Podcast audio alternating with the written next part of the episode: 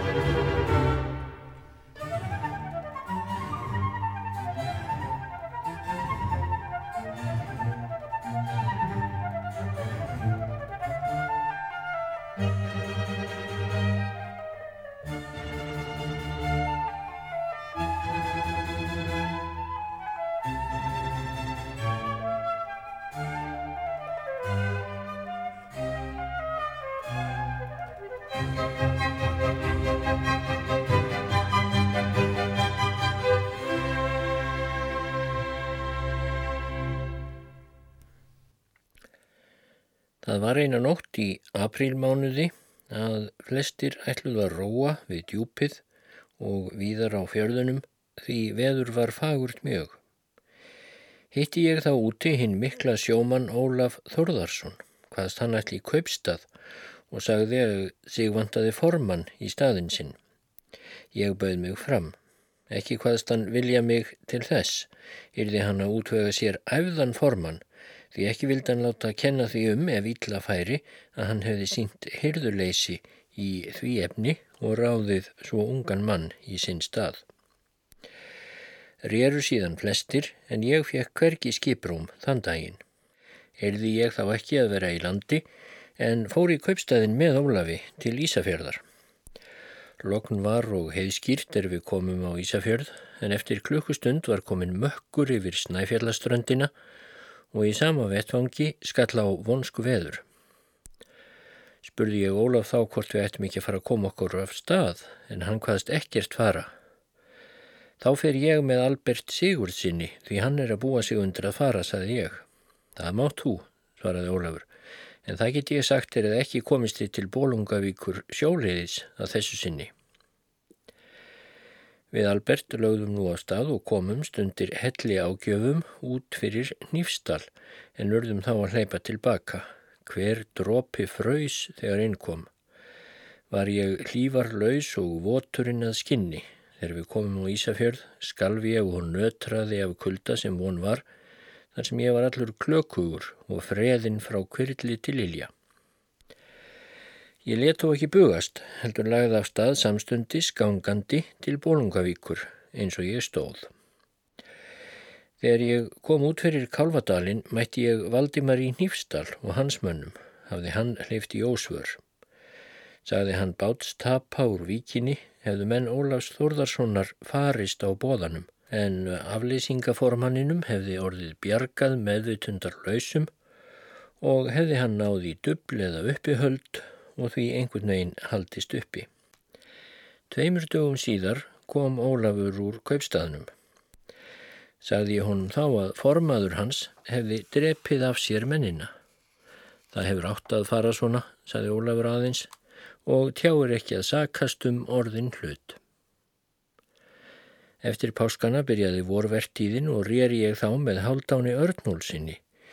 Miklum sjósóknar og aflamanni en um sumarið fór ég til Ísafjörðar og rýri þar með teiti Jónssoni verðt. Þar leið mér vel. Teitur var hinn besti maður hásettum sínum og var ekki að kalla upp þótt einhverjum yrði á að gera smá skissu. Eitt góðan veðurdag komum við með hlaðninga fiski í land að aflýðandi dagmálum. Vorum við þá all káttir og segi ég við teit Nú ætla ég að reyna afl mitt þegar við komum upp úr bátnum og vita hvort mér tekst að slíta keðjuna á vindunni sem höfði er til að vinda matvöruna þarna upp á vöruhúsloftið. Það getur þú aldrei, svaraði teitur. Ég hljópaði vindunni en í fyrsta taki dætt járn blökkin niður og ofan í bátinn sem þar stóð. Láfið að hún breyti gata á bátinn en ég hljópa á brott sem fætur tóguðu. Þú varst heppin, saði Teitur að enginn sá þetta nema ég. Var síðan allmikið spurst fyrir um það hver valdur myndi að spellvirki þessu en aldrei komst það upp. Um haustið fór ég svo til Róðraða Nýfstal til Fridriks Ólafssonar og öfluðum við vel. Dagirnum veturinn er ég var nýkomin af sjó, gekk ég inn að svo nefndum búðarlæk til að þúa vasaklútin minn. Sá ég þá stúlku er þóði fött í læknum. Ég kastaði hverði á hana og ætlaði að fara að þóa klútin. Spyr hún mig þá hvort ég vilji ekki að hún þóan fyrir mig og tók ég því með þökkum. Á meðan hún þóði gafst mér kostur á að virða stúlkuna fyrir mér. Sá ég á handtökum hennar að hún myndi vera rösk og dugleg en slíks konuefnis þóttist ég þarnast varði ég nú einnig mjög hrifin af því hver fagureigð hún var. Leiði nú nokkur tímiðuns ég bað hennar en fekk óðara hryggbrott. Fjell mér það mjög þungt. Datt mér þá í huga að fara að drekka og reyna að gleima hörmum mínum á þannhátt en sá þó brátt að slíkt myndi aðeins gera vondu verra. Myndi mér betra að reyna að bera mig karlmannlega eftir hryggbrotið og komast af landiburt. Vorið eftir komu Ameríkumenn á lúðuveiðar eins og venja var þá og vantaði mann á eitt skipið. Þótt ég breyði við og hraðaði mér um borð sem mest ég mátti var þó annar maður, Jósef að nafni, komin á undan mér. Var hann að flýja undan skuldum og varð mér hlutskarpari að ná í skiprúmið hjá Ameríkunum. Fór ég síðan á feiskiskútu og var þar um sumarið en næsta vettur er ég í Nýfstall. Um vorið fór ég svo á fiskiskútu með Filipusi skipstjóra á Ísafjörði. Í fyrsta tórnum fengum við rosaveður og rögtumst að síðustu söður á faksaflóa. Var þá komið fram yfir kosttíma og töldu allir okkur af. En á heimliðinni fengum við andbyr að bjargtöngum en þá dætt í lokn og urðum við að leggjast og liggja af okkur söðurfallið svo okkur ræki ekki tilbaka því við vorum að verða matarlausir og höfðum aðeins eina bröðköku á mann í sólarring. Vildi okkur þó til að við höfðum bæði nóg kól og vatn. Þegar norðurfallið kom, léttum við upp og léttum reka norður með víkunum og komum þar á óðan fisk. En þá vorum við orðnir saltlausir og þótt okkur ílt að geta ekki tekið á móti fiskinum þegar nógur bauðst. Á enduðu norðurfalli vorum við komnir að blakk og var þá afturlagst fyrir suðurfallið. Með næsta norðurfalli bar okkur undir kóp, þá var kvöldvaka og ennþá lokn það sem augað eigði. Sátum við nú í makindum niður í lúkar og röpuðum saman. Tók þá að bera á austan báru er óðum fór vaksandi. Var skútan farin að láta illa og all mikið farin að nikja á festina. Sátum við þó rólegir og töluðum saman Því við vissum að akkerisfestin myndi halda því hún var öll úti en endin fastur um hlaupbómuna. Ég satt í tröppunni við uppgönguna en nú var skútan farin að taka fram yfir sig. Finnum við þá að stór bára kemur og heyrum mikinn brest er þá keðjan að renna upp og hafði þá bilað hlaupbóman. Ég stökku upp og næ í endan sem þá var rétt komin að vindunni þutu nú allir upp úr lúkarnum og í skorpu að létta. En er því var lokið tók formaður að æðrast og hvaðst ekki geta slagað þar sem nú vantaði bómuna.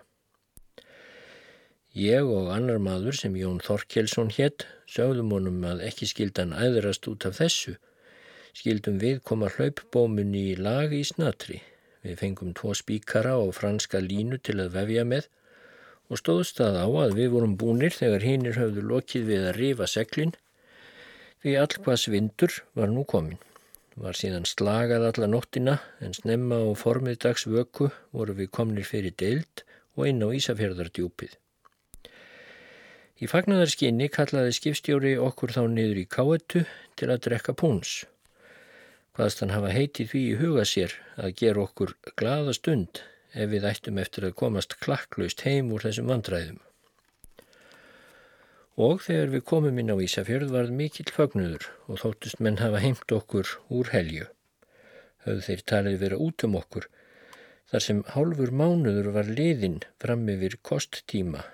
Þegar við höfðum losað var farið á stað aftur út í næsta túr.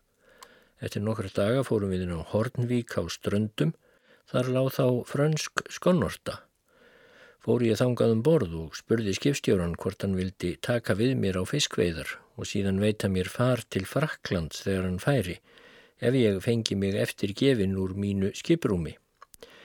Franski skipstjórin hétt því fúslega. Síðan fór ég til míns skipstjóra og bað hann um uppgjöf. Hann mætti eiga hálfdrætti mitt sem komið væri ef ég aðeins fengi mig lausan úr skiprúminu og fengi að fara til Fraklands. Spurðan mig þá hvers vegna mér væri það svo mikið áhugamál að komast hérðan af landiburt. Sagði ég honum þá einslega orsökina og væri ég of peningalöys til að komast utan á annan hátt. En ekki verður fjölirtum ástæðuna hér en ekki þorði skipstjórin að gefa mig eftir úr skiprúminu og komst ég því ekki úr landi. En leiði nú fiskitímin og var skipið sett á land. Var ég þá þungt hugsandi um minn hag, er ég sá engin tök til utanfarar. Gerði ég þá mér til gamans að spyrja spámaninn um utanför mína. Svarið var þannig, þú munt farsælastur verða á fósturjörðu þinni. Var þetta svar til þess að ég slefti utanför úr huga mér. Um haustið fór ég enn til róðra aðan nýfstall. Þið litla sem ég átti var geimt hjá þjónustu minni er var hinn sama og áður. Ég hafði sagt henni að hún mætti eiga það ef ég kem ekki aftur, en þar sem ég kom aftur var svo gjöf auðvitað ógild. Leð veturinn og vorið og bara ekkert til tílinda, eftir vorvertíðarlokkin fór ég að róa einn á báti og fiskaði þrefalt meira um sömarið en hæstu hlutir voru. En ekki fýsti mig þó að róa einn á báti á Ísafjörðar djúpi aftur á þessu sömri var það kvöld eitt að ég rýri sem oftar.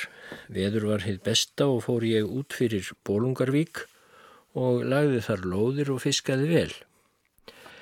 Þegar ég var að enda við að draga, lagði á kvassan norðanvind en þó var báru löst. Setti ég þá upp segl en sá var galli á að þetta var spritsegl og gati því ekki lækkaðað þótt þyrti þegar ég varð að stýra.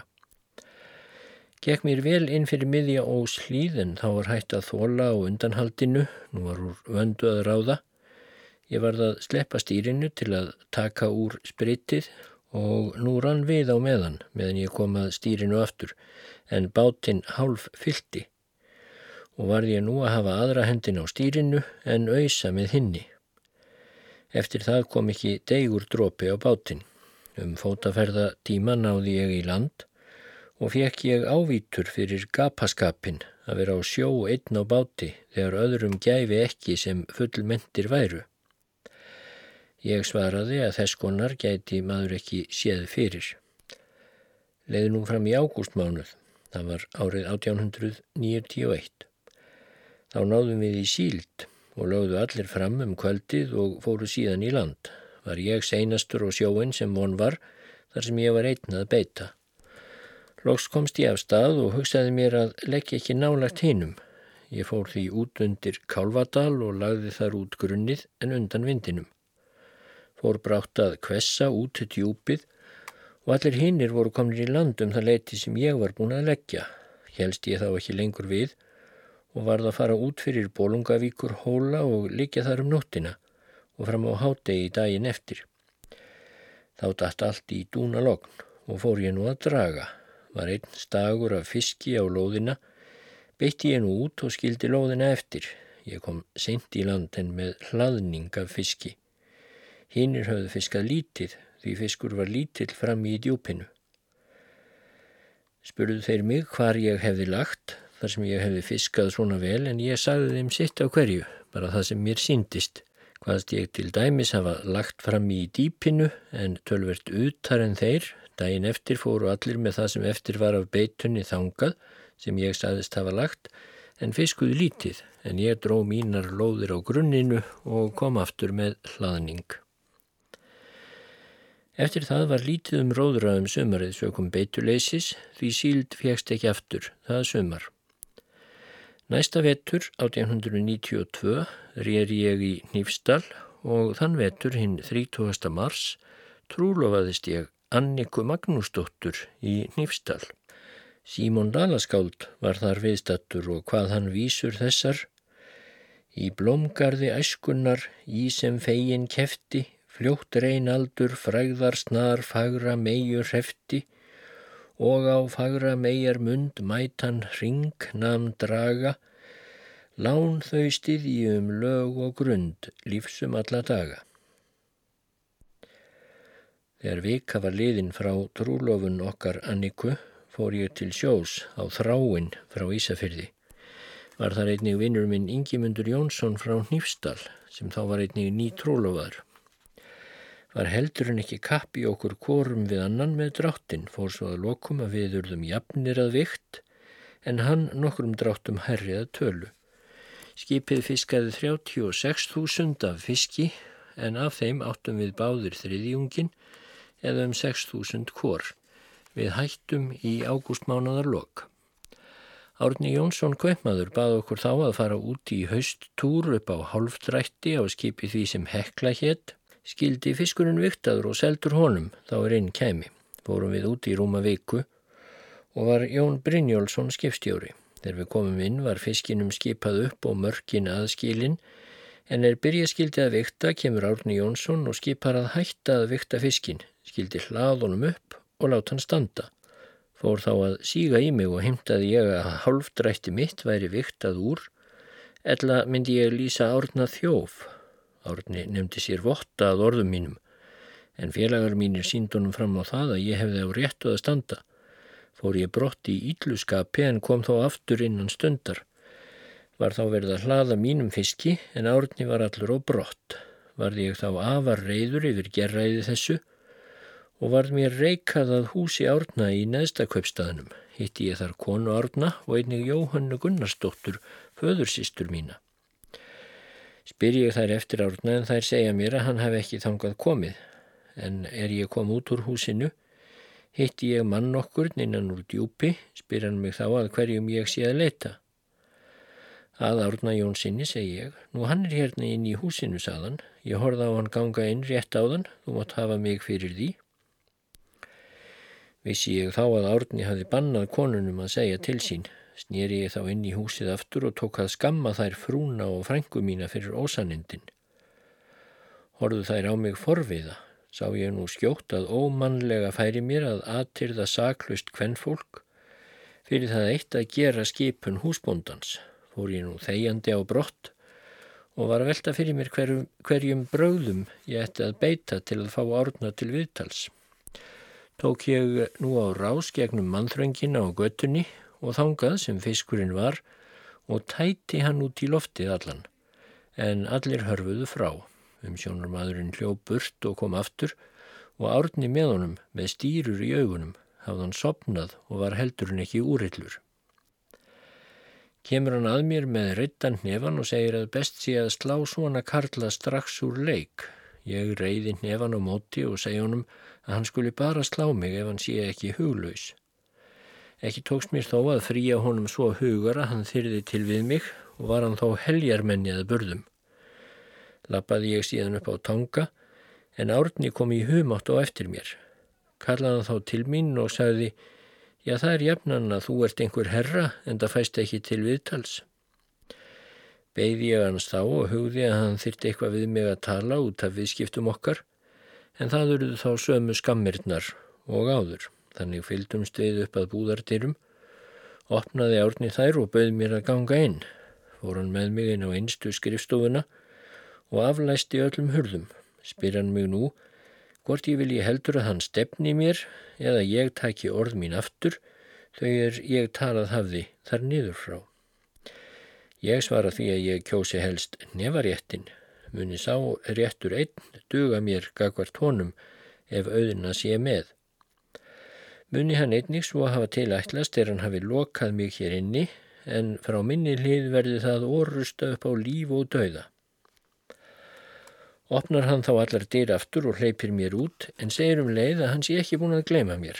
Saði jónum að mér stæði á sama því þótt hann væri bæði rísi að vexti og afli þá bæri hann þó geitar hjarta í brjósti. Gerði ég mig nú líklegan til að ráðast inn til hans, en hann varð fyrir til og skellti hurðinni í lás. Þetta var á laugardagskvöldi og fór ég þá út í Nýfstall og var þar yfir helgina. Næsta mánudag fór ég inn á Ísafjörð.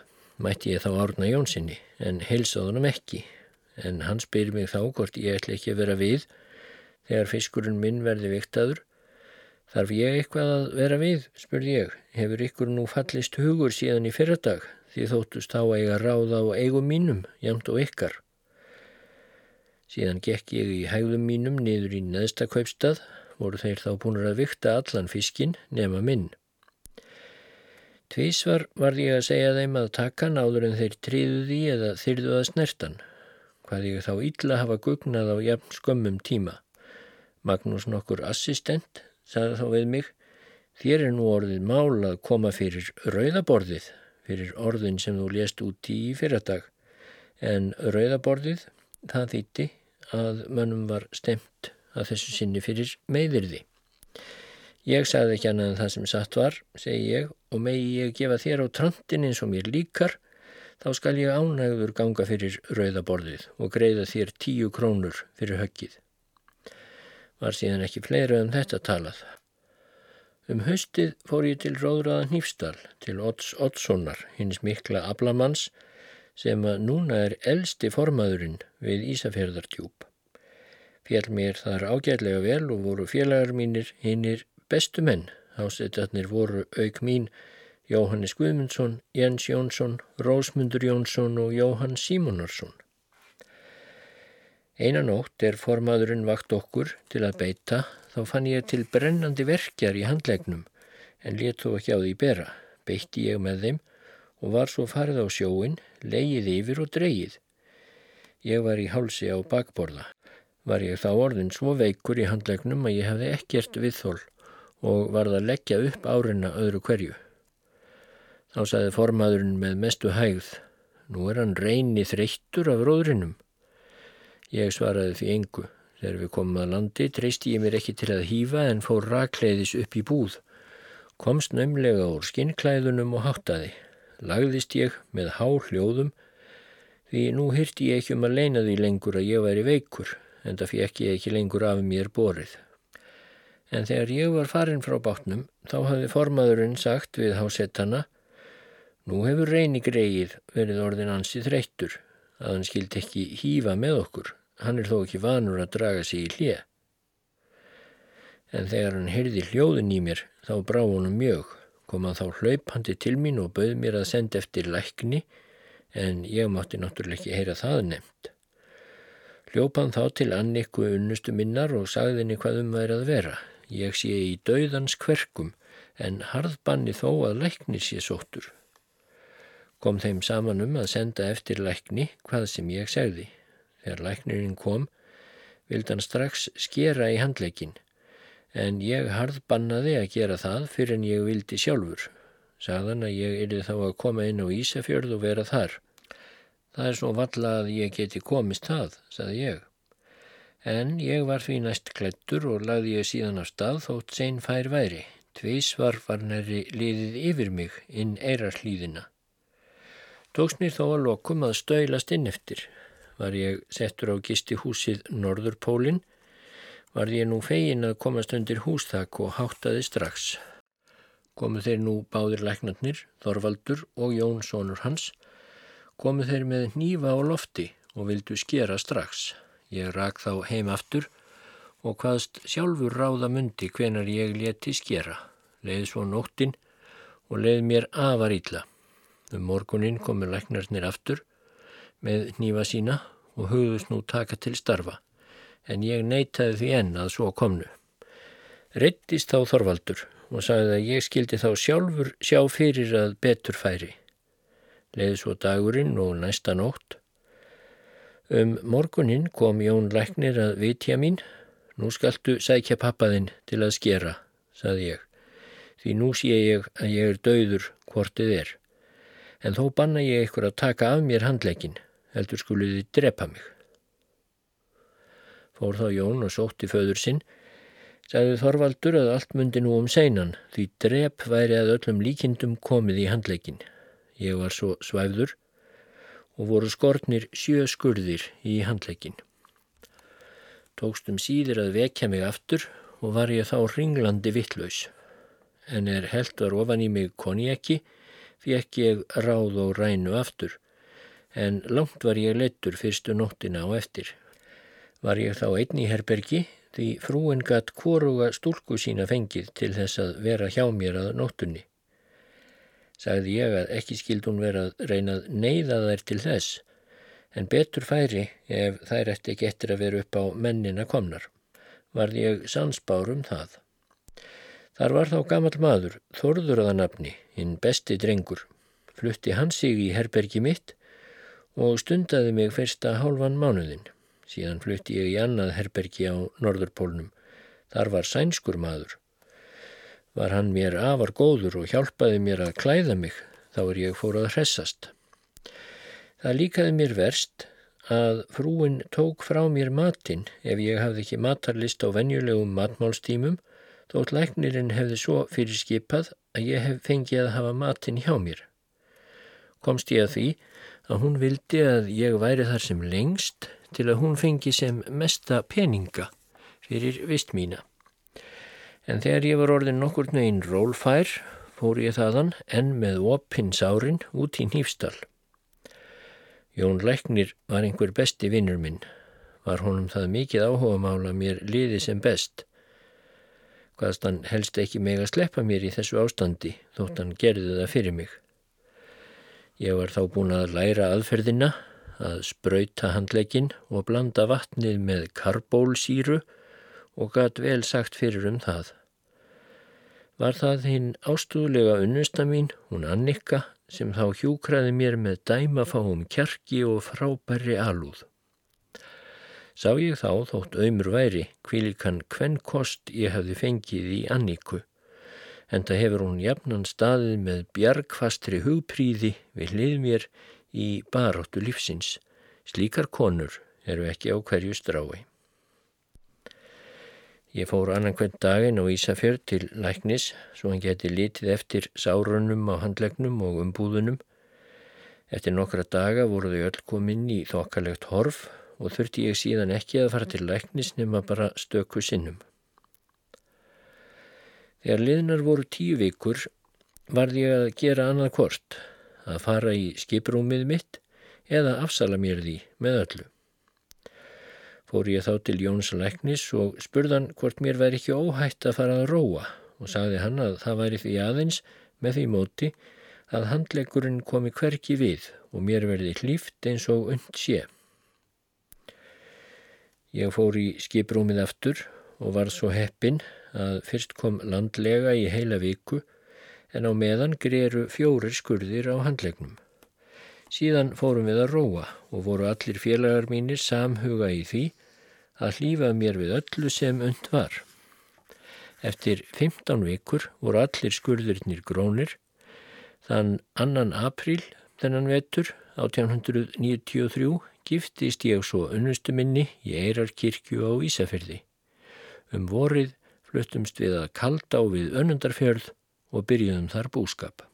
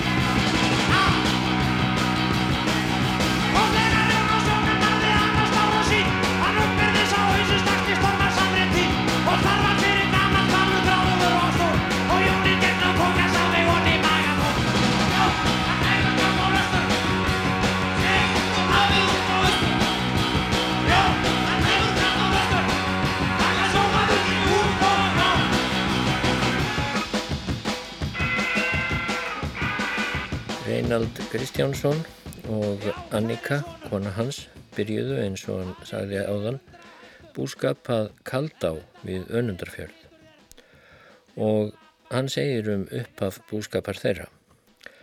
Þegar við hjónin komum að kaldá þá vorum við gersamlega efnalaus. Urðum við því að taka lán fyrir kú og hesti og einnig til að kaupa húsagarma fyrir 500 krónur. Ekki var nú byrjunin glæsileg, þrátt fyrir allt okkar strít í mörg ár. En við vorum sparsum og Guð blessaði okkar litlu efni.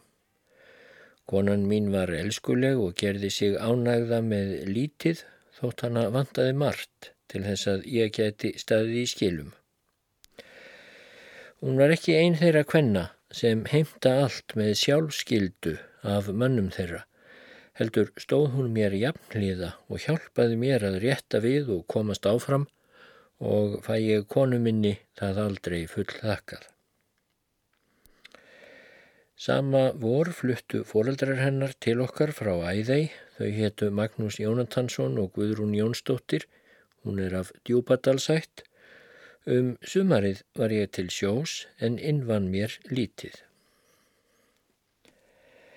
Um höstið kom Árni Jónsson, vinur minn eða hitt og heldur, til sögunnar að nýju. Ég skuldaði honum 70 krónur sem hann heimtaði að ég borgaði tafar löst. Hvaðast ég ómögulega geta það nú eins og ástatt væri, því ég ætti mjög þröngt um hendur. En spurðan hvort engin leið væri til þess að hann vildi semja við mig um skuldina þannig að ég gretti hann á tveimur árum. En þess var engin kostur, saði Árni. Ekki er þú miskun samur við bákstatta, saði ég. Þú verður þá að stefna mér. Ég lofaði aldrei sem ég get ekki emt og það verður að fara sem auðið er. Skömmu eftir heimkomu mína var mér svo byrt gestaréttar stefna að sólbakka. Mætti ég þar á tilsettum tíma, segir Hannes Hafstein sem þá var orðin síslumadur, að Árni Jónsson krefjist þess að ég greiði skuldina og 40 krónur að auki í málskostnað. Hvaðst ég algjörlega mótmæla því hafi Árni stemt mér af einskæru hatri vegna þess að okkur hafi orðið sundurorða í fyrra. Ætli hann nú að hefnast á mér því hann viti mig illa fyrir kallaðan eftir alvarleg veikindi en síðan úrskurðar síslumadur Hannes að ég skuli borga skuldin á 20 krónur í málskostnað. Ég sé vel, sagði Hannes, að þetta er gert af hatri til þín, en annað er ekki hægt að gera úr því sem komið er. En mótmælir þú þessu, þá fæ ég ekkert að gert. Ég get það sjálfsagt ekki, sagði ég, en get ég heimtað greiðslu strax ef ég á hjá einhverjum og ekkert er um skuldina samið. Já, það getur þú, svaraði Hannes síslumadur. Það er gott að ég veit það, saði ég. Ég skal reyna að muna það, eigi ég eftir að rétta við. Var ég nú að taka lán hjá hrefnum til að greiða árna skuldina. Næst er ég hitti í árna, þakkaði ég honum fyrir liðlegheitin eins og við átti. Síðar þegar efnahagur minn fór að batna og ég hafði viðskipti við Ímsa, þá kaus ég jafnan greiðslu í innskrift til Árna Jónssonar og heimtaði væðar löst af honum peninga. Um höstið fór ég til Róðraðan Nýfstall til Otts Ottssonar. Á gamlarskvöld fekk ég bóð frá konu minni um að koma vestur og finna hana. Var hún þá barsafandi og átti mjög von á sér lagði ég strax af stað frá Nýfstal um kvöldið en fekk mann með mér til skemmtunar. Heldum við á Breiðadalsheiði í sunnan hláku og myrkri. Þegar við komum upp að vatninu vorum við ornir holdvotir, hægir þá veðrið nokkra stund. Veitum við síðan ekki fyrir til en á okkur skellur út sunnan frostbílur sem stóð byngt í fangið á okkur svo við eigðum ekkert. Þegar við komum fram undir heiðina segi ég við fylgdarmann minn Nú treysti ég mér ekki til að rata rétta leið yfir heiðina. Gengum við nú til og frá til þess að halda okkur hitta, leiði nokkur tími uns okkur tókað kólna.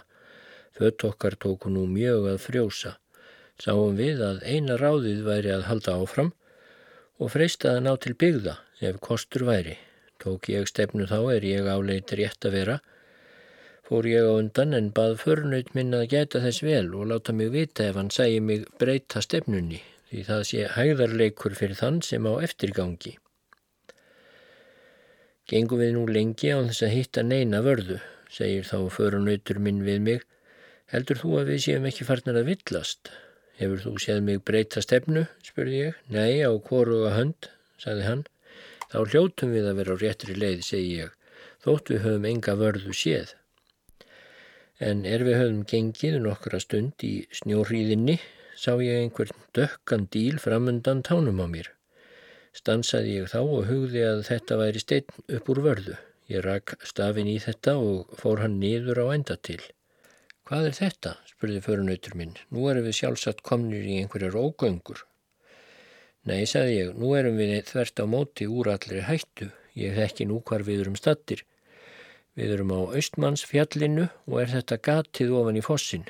Nú förum við hér yfir í brattan og getum ekki vilst hérðanaf. Um fótaferðatíma komum við í tungu og háttuðum þar ofan í rúm og sváfum í tvo tíma.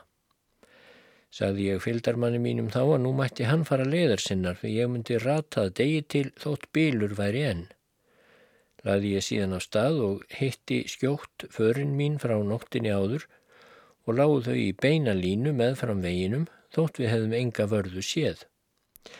Ég kom heim til mín að kalda á um miðjan dag, var þá komið gott veður.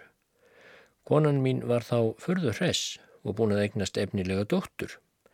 Ég var heima í tvo daga en fór síðan norður aftur til Róðranna, leið svo veturinn til Vors. Þá fór ég heim og síðan til sjós með Sveini Rósenkransinni, hjá honum var ég í fjögur sömur og gekk mér ákveðlega að draga Sumarið 1898 var ég á skipi frá Ísafyrði og gekk mér vel sem fyrr en Sveitn Rósenkransson bað mig að vera fyrir sig með bát næsta vor. Var báturinn með skíli að framann sem fjórir menn gáttu sofið í. Ég var tregur til en let þó til leiðast. Brátt yðraðist ég þó eftir að hafa gefið kost á mér til þessa og því ég er á veturinn leið hafði ég erfið að drauma þóttist ég verða fyrir sífældu grjótkasti hvar sem ég fór. Hafði ég orðað því við annikku konu mína að þungt segði mér hugur um sjóferðir mínar næsta vor og væri ég hrættur um að eitthvert óhapp kemi yfir mig. Vorið 1899 tók ég við bátnum og fór til súgandafjörðar því þaðan áttum við að róa. Við vorum fjórir á bátnum og fiskuðum á haldfæri. Vorum við búinir að fara tværferðir og fiska lítið Lögðum við af staðum nótt í þriðju sjóferðina en er við komum út á stígan var komið ófært veður. Snýrum við því inn aftur og slöguðum inn fjörðin að söðureyri en er leggjast skildi kallaði ég að láta akkerið falla. Var það þá ógreitt er til skildi taka bar ströymurinn þá bátinn inn á skershornið svo undan fór kjölurinn með kjálsíðunum og fylti bátinn í einu vetfangi. Hengum við utan á honum á annan klukkutíma þar til okkur var bjargað úr landi. Var hér sem oftar að þeim sem fyrir eiga að ráða er kent um það sem miður fer en það fekk ég nú margt aðkastið. En frá eiganda bátsinn sjálfum heyrði ég þó aldrei neitt orði í þá átt og hefði það þó líklegast verið. Síðan var gert við bátinn og honum róið en ekki stegi ég út í hann oftar. Lítið fiskaði hann um vorið en ég var nú atvinnulegs og ergilegur í skapi og hafði lítið fyrir konu og börn að leggja. Baði ég þá Guðmund Jónsson frá Görðum að lofa mér með sér yfir skipa og gerðan það. Fórum við nokkrar sjóferðir og fiskuðum vel. En þá vektumst við af influensu, svo ekki var róið. Taldi ég það óttarlegan slóðaskap að róa ekki þótt við værum dál til lastnir. Ég yfirgaf þá félaga mína og fór síðan heim til önundarfjörðar.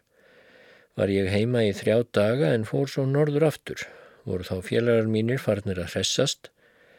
Þegar farið var að beita ætlaði ég að beita með þeim en var þá tölvert lasin. Segir þá formaðurinn að ekki þurfi ég að beita með þeim. Fyrst ég hefði ekki getað leið með þeim í búðinni. Þakkaði ég honum fyrir hugulsemina og gekk burt fann ég þá að engin maður hefði ég verið til að beita og því síður til að róa þótt ég hefði átt kost á því. Nú lagði ég á klopningsheiði, veikur orðin og bar húfu mína í hendinni, því með engum móti þóldi ég að hafa hann á höfðinu. Ég var átta tíma yfir fjallið sem er þó aðeins tæpur tveggja stunda gangur og komst ég heim í rúm mitt þungur í skapi þar sem veikin bættist við aðra örðugleika mína. Dægin eftir fór ég á fættur, liðu svo nokkri dagar að ég var alltaf meira og minna veikur því mér gæti ekki batnað sögum þess að ég reyndi á mig daglega. Ég beitti tíu lóðir og fór með þær út í fjörðarminni og voru það tvær danskar mílur að vegalengt sem ég þurfti að róa og þó alltaf veikur. Ég lagði lóðirnar um kvöldið, dróðær og beitti út aftur.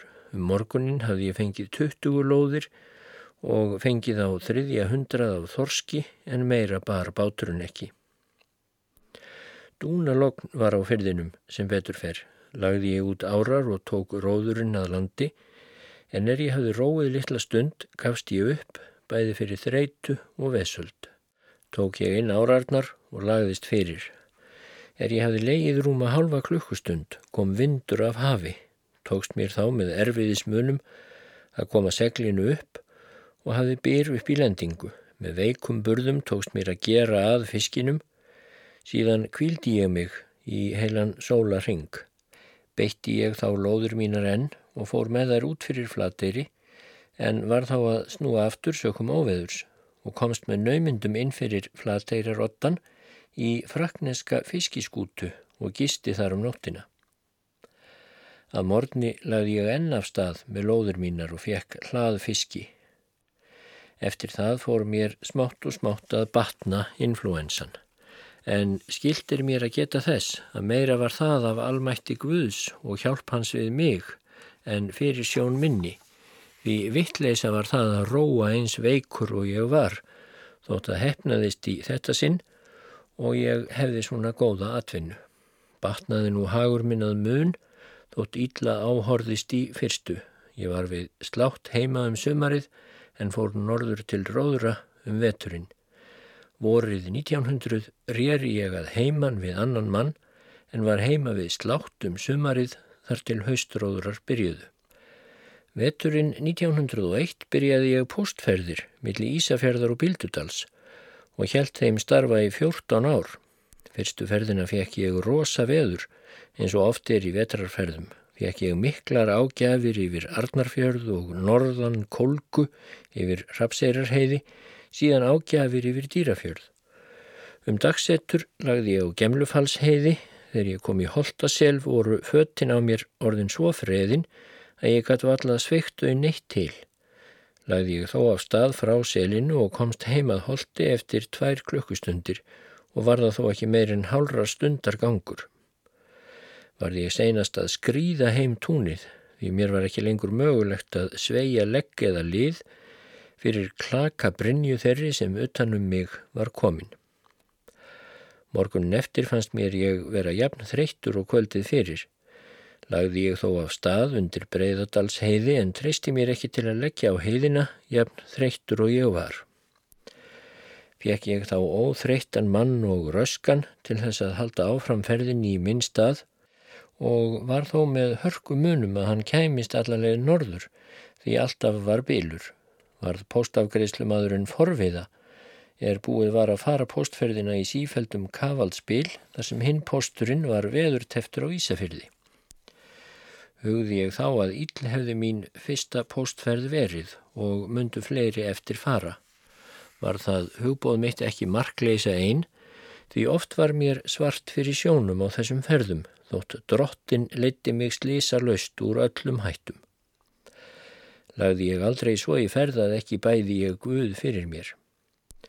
Baði hann að gera við líkamann þar sem honum síndist en fól honum sálu mína ef honum þóknaðist að láta þá ferð mína verða hinn að síðustu. Með því trösti til Guðs held ég síðan áfram með nýjum kröftum hverju sem var að mæta. Þakka ég drottni hver vel mér hefur farnast, hvað illa sem áhorfst hefur fyrir mér hef ég hvað eftir annað svo að segja á því þreifað og yrði of langt hér upp að telja. Ég ætla aðeins að nefna eitt dæmi. Einu sinni sem oftar var ég á postferð. Þegar ég kom að gemlu falli, síðar hlutu dags, var allur dýrafjörður lagður þannig að korki var hann manngengur nýja skipgengur. Bondin Jón Magnússon segir þá við mig, hvað ætlur þú nú að gera? ætlar að gista hér eða ganga í kringum dýrafjörð. Ég ætla að taka það með ró og gista hérna, saði ég, því sá sem vanur er að greiða veginna fyrir mér mun einskera það í þetta sinn. Beði ég síðan rólegur og sopnaði verðt um kvöldið. Um miðnættið vaknaði ég við það að komið var suðaustan rók en sopnaði rólegur aftur og svaf fram í fullbyrtu. Var þá ísin horfin inn að höfða átta.